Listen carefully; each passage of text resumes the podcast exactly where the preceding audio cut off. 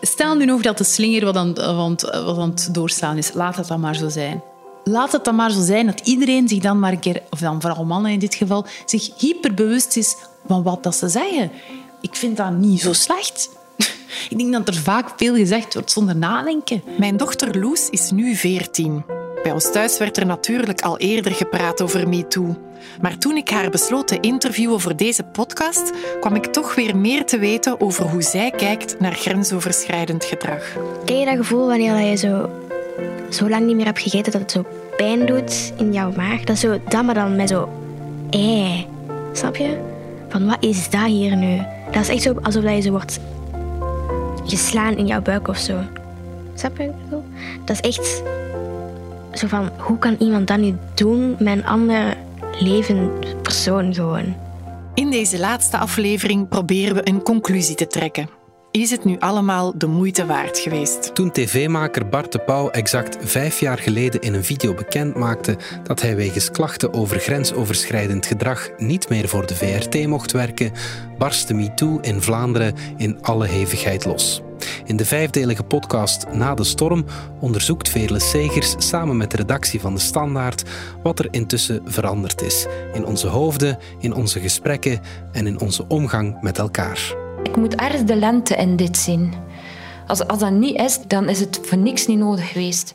Bieke Purnel, directeur van het Kenniscentrum voor Gender, Feminisme en Gelijke Kansen Rosa en psychiater Dirk de Wachter geven hun kijk. Heeft MeToo onze maatschappij nu definitief veranderd? Zo wordt dat in de media geframed en zo uh, zit dat ook met andere gebeurtenissen. Hè. Men, men gaat zich focussen op een aanleiding en dan zeggen toen is de wereld veranderd. Dat is niet zo, denk ik. Ik denk dat heel die zaak te maken heeft met een veel langer bestaande evolutie van ik, noem het zo, de emancipatie van de vrouw eigenlijk.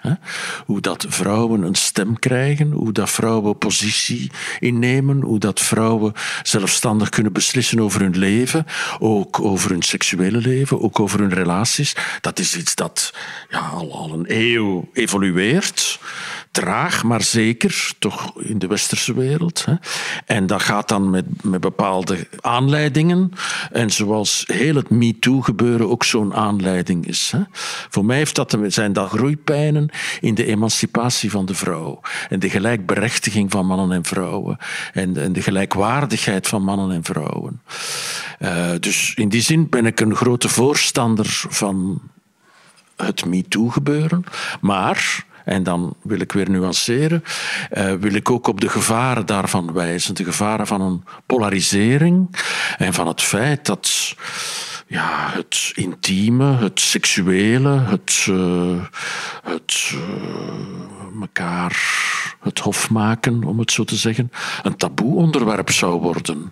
Of iets waar we niet meer genietend en plezierig kunnen in leven. Hè? Dat er afstand zou komen tussen mensen in het algemeen. Dat we elkaar niet meer durven vastpakken, omdat we schrik hebben dat we elkaar onheus zouden bejegenen. Bieke Purnel van het Kenniscentrum voor Gender, Feminisme en Gelijke Kansen twijfelt wat. Van mijn gevoel over, over MeToo en alles wat daarmee te maken heeft, is ook wel geëvolueerd. In eerste instantie was er vooral een positief gevoel, omdat je merkte dat er een, een momentum gaande was.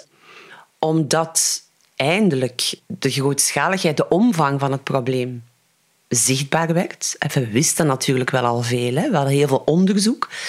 Maar je merkt dat um, verhalen en getuigenissen toch altijd veel tastbaarder zijn dan cijfers. Dat is logisch. Dus dat was het initiële gevoel. En dan hebben we natuurlijk een hele evolutie gehad, die niet zo rechtlijnig is, maar waarbij je wel zag dat er heel veel focus kwam te liggen op individuele cases.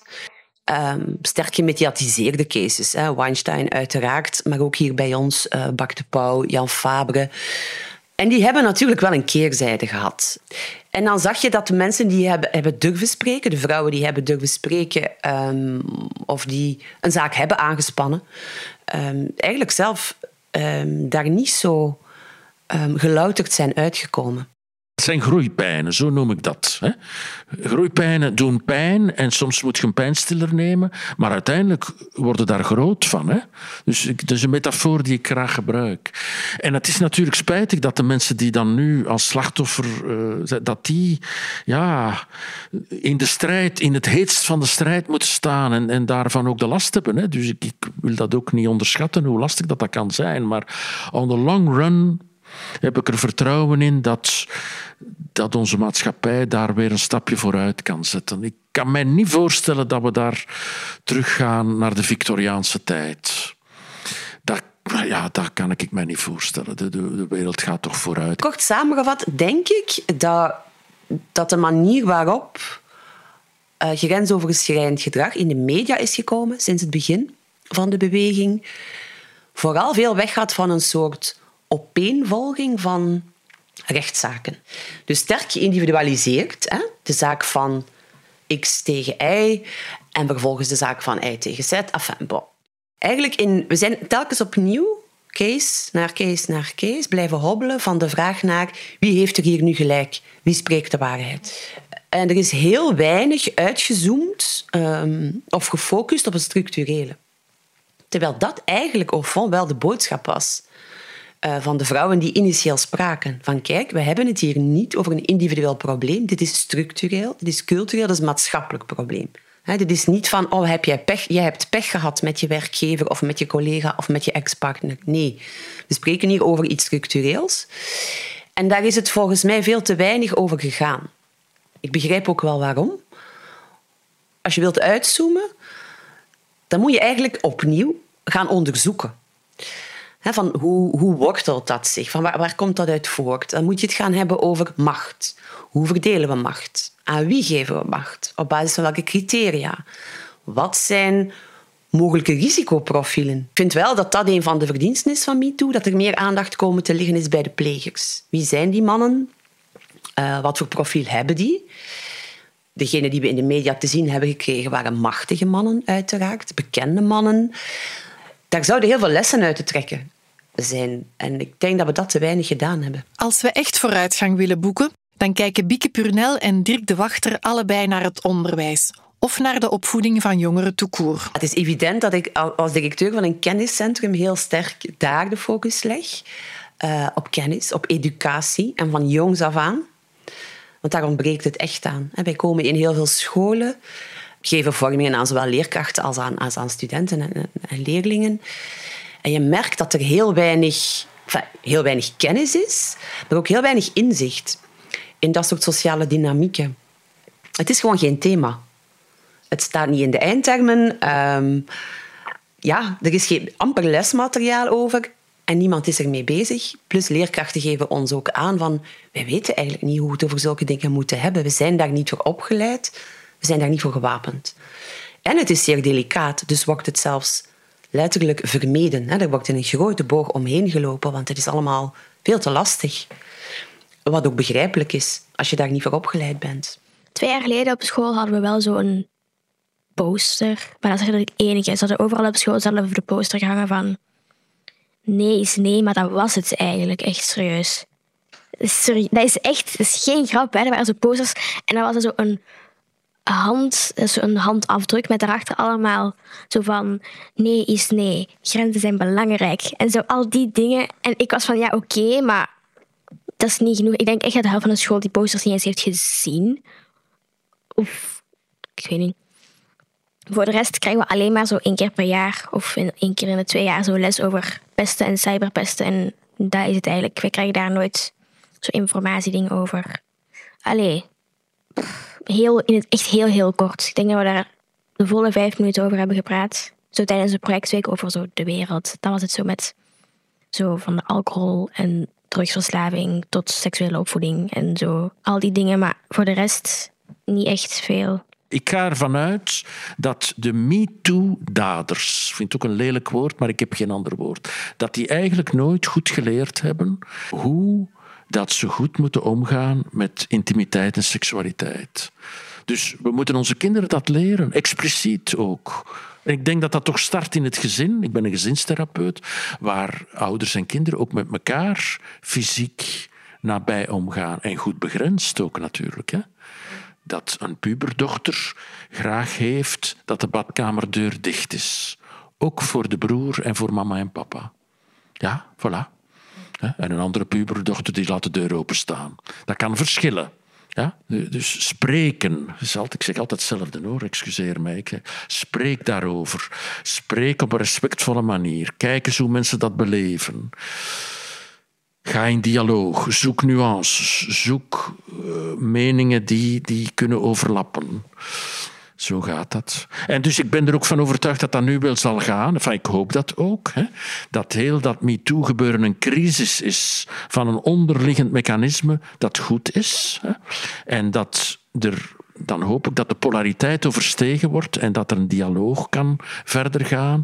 En dat we dus komen tot intimiteit, nabijheid, erotiek, die op een respectvolle, begrensde manier kan plaatsvinden. Mijn eigen dochter zat in het vijfde leerjaar toen MeToo uitbrak. Een leeftijd waarop kinderen al veel oppikken. De meisjes werden combatief, wilden zich niet meer laten doen door de jongens. En die jongens, die liepen wat verdwaasd over de speelplaats en leken er niets van te begrijpen. Zijn we de jongens de voorbije jaren niet een beetje vergeten? Ja, de focus ligt te veel op de meisjes. Dat zeggen wij inderdaad al lang. Je moet echt met de jongens gaan praten. Het feminisme is voor heel veel mensen altijd over de meisjes en de vrouwen gegaan. En daar zitten we blijkbaar nog altijd. Wel, ik denk, nee, nee, wacht. Nee, nee. Het gaat over deze samenleving en hoe wij met elkaar omgaan, wij allemaal. Dus jullie moeten meedoen. Zin of niet. We gaan het met jullie ook hierover hebben. Um, nog los van het feit dat alles wat... Dat ook heel veel jongens last hebben van strikte gendernormen. Die gelijkheid tussen man en vrouw, de verloning tussen mannen en vrouwen is niet gelijk. De, de, de taakverdeling in huishoudelijke taken en zorgen voor kinderen is niet gelijk. Dus ook aan de oppervlakte is, is er nog veel werk. Maar zeker onderhuids, in het emotionele, daar is nog heel wat parcours af te leggen. En laat mij hier ook, ik vind het belangrijk om te zeggen dat ik, kijk, ik ben een zestiger, dus ik kom ook al een klein beetje uit de vorige tijd, dat ik zelf ook met mijn vrouw. Ik hoop dat ik alsjeblieft zich heel respectvol met mijn vrouw omgaat. Ik zal het daar vanavond nog eens vragen. Maar in de taakverdeling eh, is dat... Mijn vrouw is arts, heeft een zeer drukke praktijk enzovoort. Maar is er ook in de opvoeding van onze kinderen meer op haar schouders terechtgekomen. Ik zie hoe mijn dochter en mijn schoonzoon daar al een stapje verder in staan. Maar hoe het toch nog altijd een spanningsveld is. Dus dat evolueert traag. Soms trager dan we zouden willen. En dat geeft soms frustraties en lastigheden en zaken die, die soms onbewust, dat we ons niet realiseren. Die frustraties zijn mijn dochter ook bekend. Jongens en meisjes worden niet hetzelfde behandeld. En dat vindt ze niet oké. Het kan de heel kleinste dingen zijn, maar daar is nog steeds wordt onderscheid gemaakt. Zoals, we hebben sterke jongens nodig om tafels te verschuiven of dingen te gaan halen en zo die dingen. En ze vragen nooit sterke meisjes om te helpen? Nee. Bij ons, in onze klas hebben we heel weinig jongens. En zijn meestal hun... Zij die worden gevraagd om te gaan helpen bij het secretariaat of zoiets. Om dozen te verplaatsen of die dingen. Ik word daar zo niet echt misselijk van, maar zo dat gevoel. Snap je? Daar ben ik van, oh. Want dat moeten niet per se mannen zijn die dat vragen. En het kunnen ook vrouwen zijn, maar dat, je wordt zo gewoon geprogrammeerd, zo precies. Dat dat zo, zo zit dat in elkaar. De huidige generatie jongeren lijkt op een heel andere manier om te gaan met genderproblemen. Dus dat klopt. En het klopt ook. En het omgekeerde klopt ook. En dat is net het interessante, maar ook het, het lastige. Want wat ik zie zijn twee sporen. Het spoor van uh, de jongeren. Ik zie dat ook bij mijn kinderen. Ik heb twee tieners die heel breeddenkend zijn die eh, wars zijn van genderstereotypen en die daar dus heel ruimdenkend mee omgaan. Maar daarnaast is er het andere spoor. Dat sterk aan populariteit wint, vooral bij jonge jongens. Ehm, dat een heel traditioneel maatschappijbeeld voorop stelt met het kerngezin als basis van de samenleving, eh, met de vrouw aan de haard, heel geordend, heel rigide. Eh, dat wint ook terug aan populariteit, ook bij jongeren. En die twee sporen gaan elk in een compleet andere richting. Dus ja, dan krijg je per definitie wrijving. Het lastige is dat je van die twee sporen niet weet welk spoor er als eerste eh, bij de meet zal komen. Ook bij de jongeren moet het gesprek over gender en grensoverschrijdend gedrag gevoerd blijven worden. Ik dan met een beetje een dubbel gevoel, omdat ik vind dat we scholen soms een beetje beschouwen als de plek waar we alle maatschappelijke problemen gaan oplossen. Dat komt natuurlijk ook omdat dat de enige plek is waar iedereen komt. Iedereen gaat naar school, ooit, vroeg of laat. Het is veel lastiger om mensen te bereiken, of breed te bereiken op een andere manier. Maar dat wil natuurlijk niet zeggen dat je niet daarnaast iets kunt doen aan bepaalde arbeidscultuur. Heb je een cultuur op het werk, of dat nu in een privaat bedrijf is of in een, openbare instelling of in een organisatie, is er een cultuur van gelijkheid, van openheid en van respect voor elkaar. En dat klinkt misschien allemaal heel wollig, maar dat is wel de essentie. En die ook maakt dat als iemand iets ziet gebeuren dat niet kan, dat hij durft spreken. Het gaat heel weinig over de omstaanders. Heel veel mensen weten wat er aan de hand is, weten dat er dingen zijn gebeurd of zien dingen gebeuren en zwijgen. En dat gaat echt wel over de cultuur waarbinnen zij zich bevinden. Zij zijn bang om te spreken. Dus betekent dat je daar wel iets aan moet veranderen. Mensen moeten zich uitspreken. Hè? Mensen in nood, ik zeg dat ook in de psychiatrische uh, problemen. Spreek u uit, zeg wat daarop staat. Dat doet de Vlaamse mensen ook niet zo gemakkelijk. Ik voel mij niet goed, zeg dat. Hè? Maar nog veel belangrijker is, luister. Dat mensen die dan toch een signaal geven, beluisterd worden, au serieus genomen worden. Bespreek het met uw, met uw geliefden, met uw familie, met uw vrienden, in de normaliteit van het, van, het, eh, van het leven. Dan zal het zich niet helemaal gaan versmallen en, en alleen maar bijna psychiatriseren. Dan wordt het bijna een afwijking. Dan komt je bij de dokter en zegt van ja, ik ben benaderd door een man en die ambeteert mij, die stalkt mij. Wat is er aan de hand met mij? Denk ik maar, mevrouw, uh, je zegt, zo normaal als het maar zijn kan, moet ik dan zeggen. Hè? Uh, maar waarom, waarom kun je dat niet zeggen tegen, u, tegen uw zuster of tegen uw goede vriendin? Oh, nee, dat durf ik niet, want die gaan mij belachelijk vinden. Hè? Zo gaat het soms. We moeten leren luisteren maar ook uitspreken. Want we minimaliseren het vaak, grensoverschrijdend gedrag. Ik heb al zoveel vriendinnen horen beweren dat ze nooit iets meegemaakt hebben op dat vlak.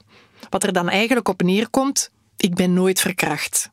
Het lijkt bijna alsof het ongewenst aanraken, de achtervolgingen, de bedreigingen en de schunnige opmerkingen horen bij het vrouw zijn. Als je het niet minimaliseert, moet je erkennen dat jou iets ergs is overkomen met impact. En dan moet je eigenlijk handelen. Want dat is wat... Dus nu heb je twee keuzes. Je zegt niks. Of je moet aangifte doen. Dat zijn eigenlijk de twee opties.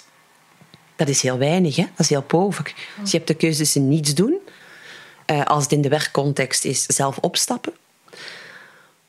Of naar de rechtbank stappen, met het risico dat je in, in hetzelfde soort scenario belandt um, als waar veel slachtoffers die wel bekender waren, uiteraard, zijn in beland. Ik weet niet waar, dat, waar dat ik voor zou kiezen, maar geen van beide zijn aantrekkelijke pistes. Dus dan is het wel veel makkelijker om het te minimaliseren. Dat is een soort van cognitieve dissonantie. Je weet ergens wel dat het niet klopt. Maar als je het kleiner maakt voor jezelf, kan je gewoon verder. Dat is heel raar, hè? maar dat is, zo werkt het wel. Um, vanaf het moment dat je zegt dit was echt heel erg, moet je eigenlijk stappen ondernemen. En dat is zeer moeilijk. Ik denk dat dames, maar ook mannen, dames en heren, zich toch moeten, moeten een beetje meer uitspreken. Dat vind ik wel. Het is misschien ook Vlaams, ik weet het niet. De, de, de Vlaamse cultuur van de kop in de grond te steken en te zwijgen en niet te durven zeggen waar het op staat. Eh, dat zijn die groeipijnen. Hè? Dat, dat mensen die daar niet rechtstreeks mee te maken hebben, dan, dan als het erop aankomt, toch ook maar wat zwijgen of zich niet durven profileren. Daarnaast speelt er uiteraard ook vreemd genoeg. Maar dat is altijd zo. In gevallen van uh, seksueel grensoverschrijdend gedrag en seksueel geweld speelt er heel veel schaamte bij vrouwen. Bij mannen ook trouwens. Hè. Bij elk slachtoffer van. Uh, van grensoverschrijdend gedrag zie je dat terugkeren, dat zij zich schamen. En dat is een heel interessante emotie in dit geval. Want als je bestolen wordt, dan schaam je je niet. Maar van zodra men een, je fysieke integriteit aantast, dan komt er schaamte. Ook de vragen die gesteld worden aan mensen. Hè. Om te beginnen, je wordt niet meteen geloofd. En dan komen de vragen. Had je gedronken? Hoeveel had je gedronken? Wat had je aan? Waarom liep je daar s'nachts? Uh, waar ben je alleen naar huis gegaan? Dat zijn hele klassieke vragen die mensen heel normaal vinden, maar die men niet zou stellen als je gewoon als iemand jouw portefeuille had gestolen. He, waarom liep jij s'nachts daar? Ja, dat doet niet ter zake. Maar van zodra het gaat over uh, seksueel grensoverschrijdend gedrag of geweld, wordt dat blijkbaar plots relevant. Terwijl dat is het niet. Want ook de paar minuten dat we daarover hadden gepraat vorig jaar. Want dat was dan ook met een um, vrouwelijke leerkracht. En het was dan van, ja, zorg altijd dat je niet alleen bent, dat je altijd iets hebt om je te beschermen en dat je niet zo te riskerende dingen aan hebt of zo. Want dat was een hele klas vol met meisjes dan. En dan zei iemand van, en zij dan, wat, krijgen zij dan les over wat ze niet mogen doen? Of krijgen zij ook dit? Maar de jongens hadden iets over geweld of zo, niet over wat wij aan het praten waren. En je ziet ook wel dat er nog altijd een hele dubbele standaard is als het gaat over uh, gender en seksualiteit. Een man is een jager. Dus voor mannen is het heel normaal om seks na te streven. En bij wijze van spreken dan constant, de hele dag. Wat niet zo is, maar dat is wel beeld dat leeft. Bij vrouwen is dat niet zo. Ze zijn dan eerder de prooi, hè, moeten wat ondergaan. Het is niet voor niks dat wij een woord hebben als sletvrees. Als man die heel veel seksuele contacten heeft, ben je een, een, een Casanova, een rokkenjager. Een vrouw is gewoon een slet.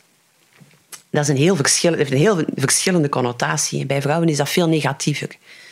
Dus dat idee van zuiverheid en, en kuisheid speelt nog altijd wel uh, onderhuid speelt ons dat wel nog pakte. Nou ja, dat heeft denk ik nog te maken met die oude positie van man en vrouw, waarbij vrouwen eh, werden geacht om om gecomplimenteerd te worden uh, van het feit dat ze aandacht kregen van mannen, ook als dat verkeerde aandacht was.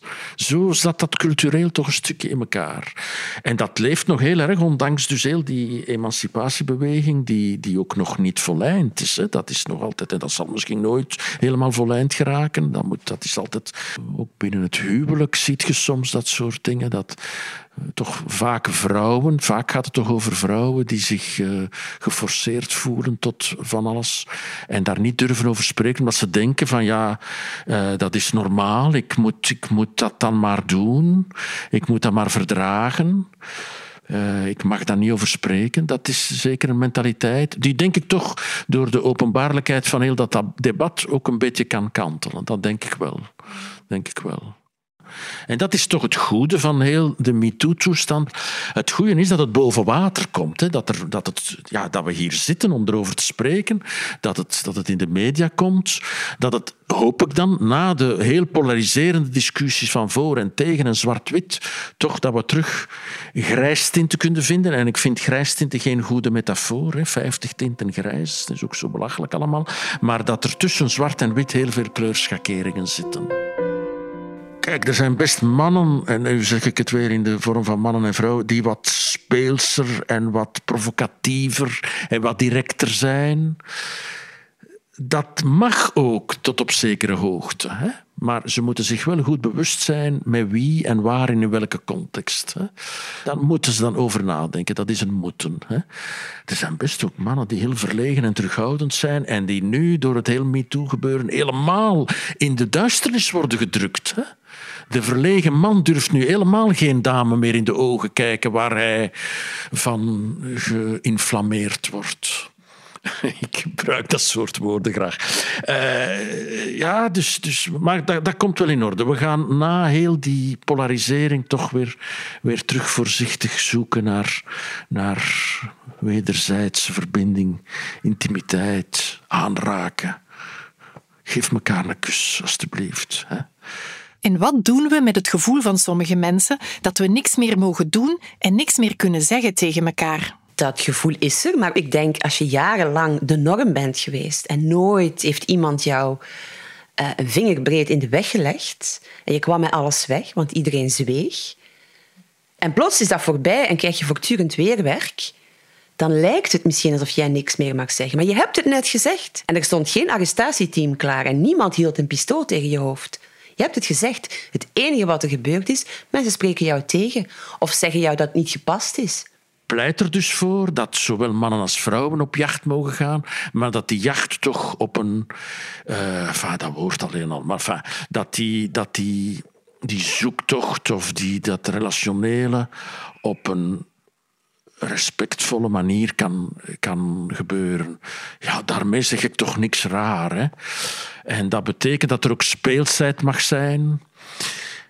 Maar ja, die grens is ook niet in een flowchart te gieten natuurlijk. Ik heb het gevoel dat meisjes meer moeten opletten en meer moeten nadenken als we zo gewoon op straat zijn of in Leuven naar school of zo. Want ik denk dat jongens dan gewoon zeggen van ah, ik ga naar huis, ik moet door de stad. Nee, nee.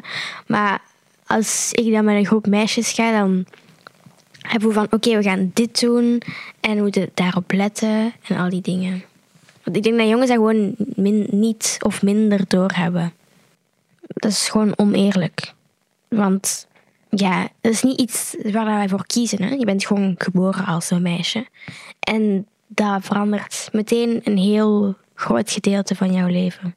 Alleen verandert. Dat beslist meteen een heel groot pad in jouw leven. Praat eens met een 15-jarig meisje over wat hij gemiddeld meemaakt. En niemand durft nog alleen naar huis fietsen. Ik kon op mijn 15 wel alleen naar huis fietsen. Er is nooit iets in mijn drankje gedaan. Ik denk dat men echt onderschat wat het betekent vandaag om een jong meisje te zijn in het uitgaansleven. Dus als ik hoor, we mogen niks meer, dan word ik echt boos. Dat is echt niet ernstig nemen van een reëel, structureel en zeer belemmerend probleem. En nu? Waar gaan we naartoe? Dus je moet zorgen dat je iedereen mee hebt. En ik denk dat we ons daar soms wel blind staren. En er is een groep die, die zich onbegrepen ja, voelt. En die daarnaast staat en niet goed weet waar het allemaal over gaat en zich bedreigd voelt in de eigen positie, die het allemaal heel complex vindt. En de wereld is momenteel super complex voor veel mensen. Er is heel veel aan de gang. En wat, wat zie je altijd? Dat is ook wel interessant als je naar de geschiedenis kijkt. In tijden van crisis grijpen mensen heel snel terug naar conservatieve waarden. Omdat die heel duidelijk zijn. Duidelijk, afgeleid. Um, dat geeft houvast. Dus hoe woeliger de tijden, hoe groter de kans dat mensen conservatiever worden. En daar hebben we daar heel goed voor moeten opletten, want we zitten in heel onzekere tijden. En wat gaan we, gaan we daarmee doen? Hè? Want je zou dan net kunnen zeggen, ja, is gender nu net een belangrijk thema? Nee, hè? Mensen kunnen hun rekeningen niet betalen, er is oorlog, klimaat staat in brand. Dat zijn nu de prioriteiten. Ja, maar er zal een impact zijn op hoe we omgaan met elkaar. En dan moet je dat weer glad strijken. En ik denk dat je dus beter toch intussen ook daar oplettend voor bent. Laten we voorzichtig zijn en streng blijven.